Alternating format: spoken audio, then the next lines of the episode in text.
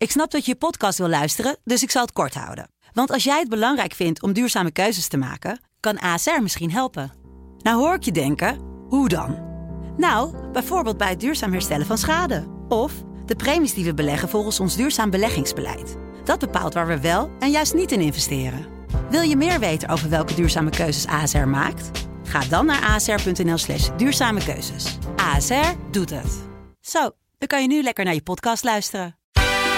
Mijn naam is Jaap Brienen van de Sublime Ochtendshow en dit is een nieuwe aflevering van Hit Story. Dit is het verhaal van Midnight Train to Georgia van Gladys Knight and the Pips. Sublime Ochtendshow. Hit Story. Verhalen achter de muziek. Dit verhaal begint bij Jim Weatherly. Hij is een country singer-songwriter. Het is 1970. Hij woont in L.A., dat is de stad waar veel mensen proberen het te maken... in de filmwereld en de muziekwereld. En Jim ook. Hij probeert geld te verdienen met het schrijven van liedjes, countryliedjes. Is hem nog niet echt gelukt. Hij is druk bezig. En op een avond belt hij een vriend van hem. Maar die is niet thuis. Zijn vriendin neemt dan op. Uh, zij is ook een actrice, een fotomodel. Komt eigenlijk uit Texas. Is net als Jim bezig om het te maken in L.A. Maar dat is ook nog niet echt gelukt. En ze vertelt uh, hem aan de telefoon over dat ze dit weekend weggaat. Terug naar huis. Ze vertelt dat ze die avond de nachtvlucht naar Houston neemt. De Midnight Plane to Houston. En Jim denkt, hé, hey, goede titel voor een liedje. Net als hij heeft opgehangen, pakt hij zijn gitaar en begint hij te schrijven. En na drie kwartier is het liedje klaar. Het liedje met het verhaal, dat eigenlijk het verhaal is van die vriendin... die hij daarnet aan de telefoon had. Over een vrouw die het probeert te maken in Hollywood als actrice. Maar dat loopt niet zoals ze wil. En dan besluit ze toch maar terug te gaan naar de plek waar ze vandaan komt. Terug ook naar de man van wie ze houdt.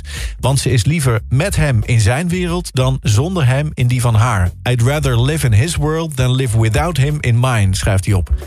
Nou, dat liedje, liedje neemt hij twee jaar later op en hij zet het op een van zijn eigen albums. Wordt niet echt een heel groot succes, maar het wordt wel gehoord door een andere zangeres, Sissy Houston namelijk, de moeder van Whitney.